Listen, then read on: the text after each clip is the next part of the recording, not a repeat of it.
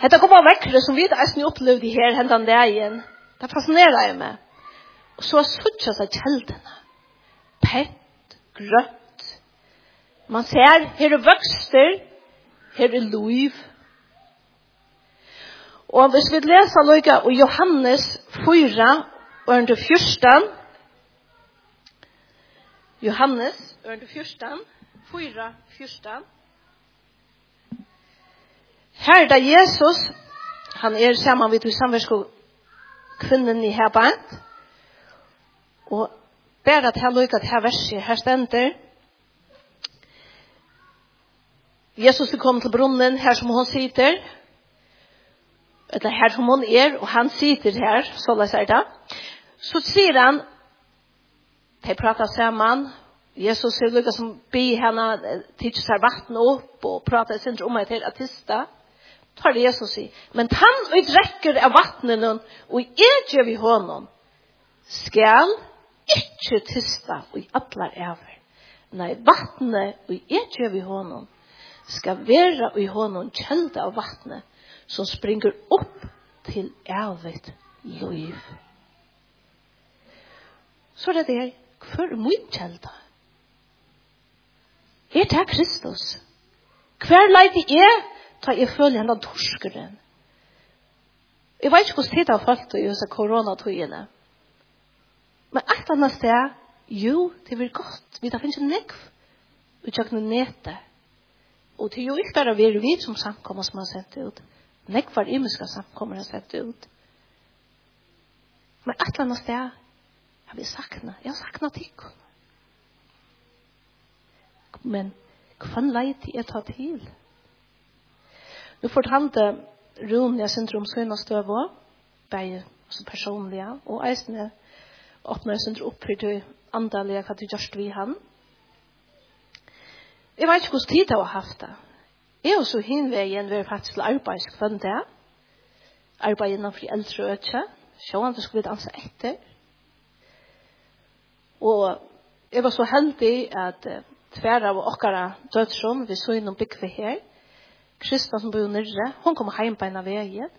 Så det her, jeg følte lukka som ta, ta årekve som annars er, vi var jo alle her. Så, så det var lukka som trygt og fjott for meg på svær.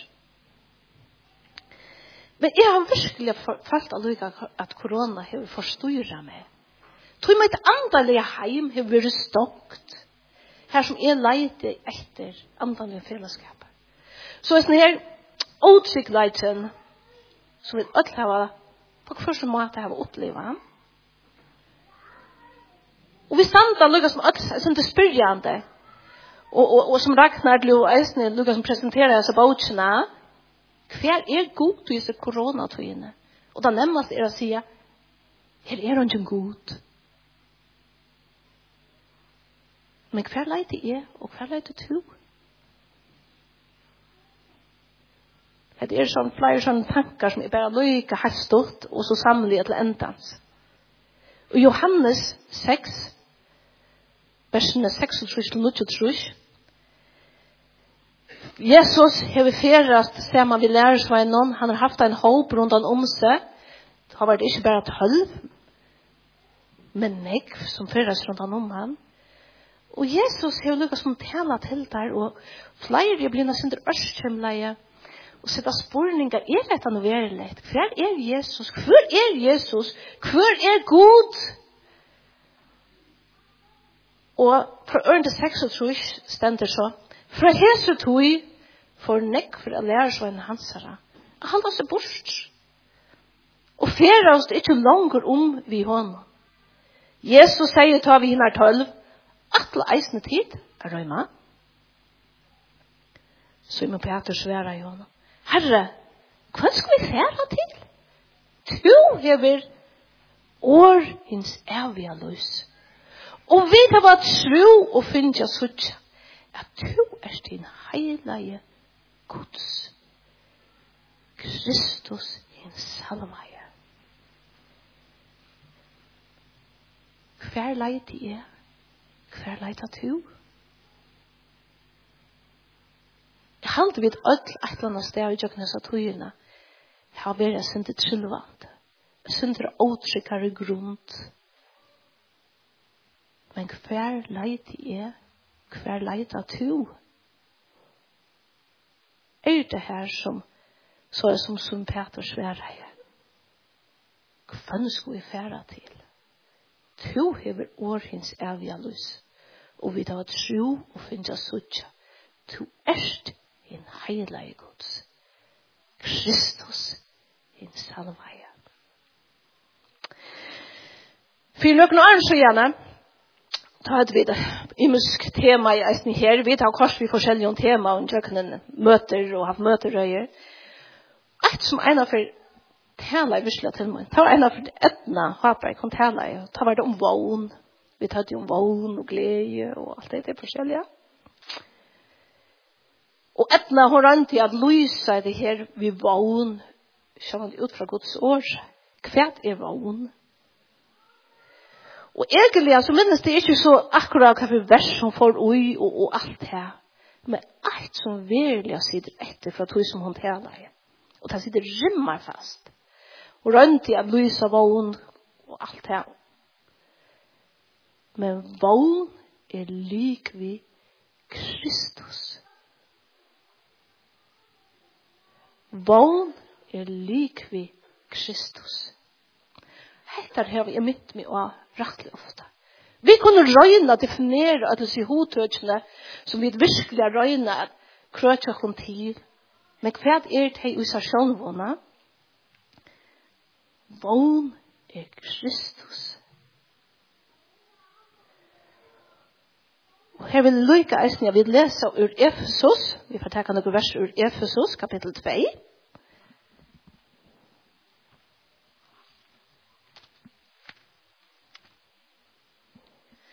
Og her er derfor versene fra Efesus 2, 12 og 13. Vi kommer faktisk inn i, i en setning, eller til det her minnestid, tog at tid over, til det her hver våre vid utan Kristus og i tøyene åren. Og så fra øren til tøll så stender minnest at tid til tøyene ståe utenfor Kristus utestangt fra borgarrett i Israels og lyftesatt manna fremmed utan vogn og utan god i heimenan. Men nu er jo i Kristi Jesus i tid som avur vår lengt bort kommer nær vi blåe Kristus Det er Kristus. Hvem skulle vi færa til? Hvor er okkara vogn? Vogn er lik vi Kristus. Og så vil jeg teka et annet som i eisen har hørt fra talere og til svimmen Absansen. Ja, og god sier, vi er jeg synder her, og lukka som krakt meg under hver ting, hver jeg virkelig kan sutja, hver er Kristus. Jeg kan ikke leida nekker æra stavnes. Av samfunnsmøten nå nå i november og i Nujtjan, da tala i Simon, altså han sender ja, i høtlene, han tala jo om Filip, lærersveien Jesus her. Filip, han har jo fyllt vi Jesus og i tro år. Så som Simon, han lustig, han sier det, som han var, og hans herre virke, og det var rettelig avhøverst. Og så i apostlesøvende, her høyre vi så i apostlesøvende 8, om disse borsterikkingsene som er en øyelig kjent søveisene, hver Philip og i einon så er han av venon hver en egyptisker hermauer, nei hermauer, han høyre, han sitter og leser ur skriften. om og, og, og Filip kommer i fylgje vi han, og han høyrer, og tar lukka som støkka her, og Filip kommer i prat vi han, og, og Filip fer lukka som høver til at snakker vi han om disse tingene, og egentlig leier han til frelse. Det som sømmer så eisen lukka som løser rettelig av han, det er at han, Da man vel at dykka nir ut heller, Da njóta vi det veldig godt av. Tæner og vinklar og alt det her. Han har lukket som eisen fer nyr ui at jeg vil hva er det egentlig Filip tæner? Hva tæner Filip? Og vi får ikke til årene. Da får vi i øren brått om hver og Paulus kan skal tæner og vi tar om at Peter han tæner. Men i apostelsøvne, apostelsøvnet lusende framman undan etter her vi er sånn hermannen ta er verda fortalt om sundagsbjergensene som verer til at forfylking er etter dem kristne. Og her er det så at eisen blir nevnt om Philip. Philip, hvis vi fer på apostelsøvna, 8, det stender et heis som spjagt våre, etter ørde fyra, 4, Tjenkene om og kunngjør det år evangeliums. Men hva er det egentlig av Philip som prædikar? Og det kommer vi til i ørende fem. Fyle kom til til boi i Samaria, og prædikket Kristus fyrt heimann. Hvem er det vi leita til? Han prædikket Kristus. Så för lyckas man dreja lite inte ser man om här tankarna här. Kvör er okkara kjelda. Jesus Kristus. Kvär fai er mot luvgevande meie og styrke fra. Kvön leita vi til i okkara åtrygg leika. Rymar vi bæra?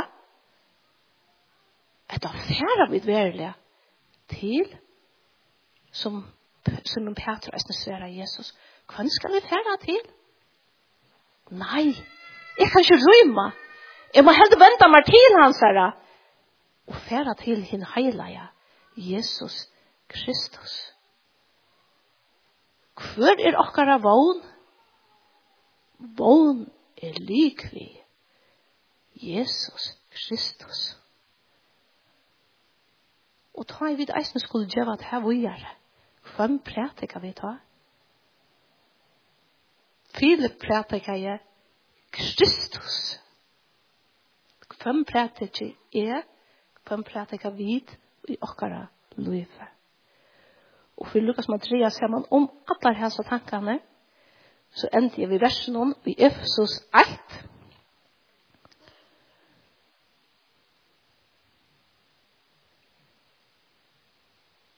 Og her er eisene til Kristus som er i fokus. Og i Efesus 1, Ørende 22 og 23, så det er sørst i kapittel nå. Alt leie han, god, altså fægeren, under føtter hans herre, Kristus her, og gav samkomne han som høtt over ødlån, henne som er likam hans herre, fyllt av hånden og i fytler alt og i ötlun. Amen. Herre, takk fyrir at det er her. At det er liv, det er kjeldan, det er vånen, det er Kristus vid innskja prædika. Åttje anna. Takk fyrir at vi da kunne være saman her i dag. Takk fyrir tvitt år på så mange måter. Og Herre, jeg ønsker bare å lette dere alle ut henne rent. Og i Jesu navn. Amen.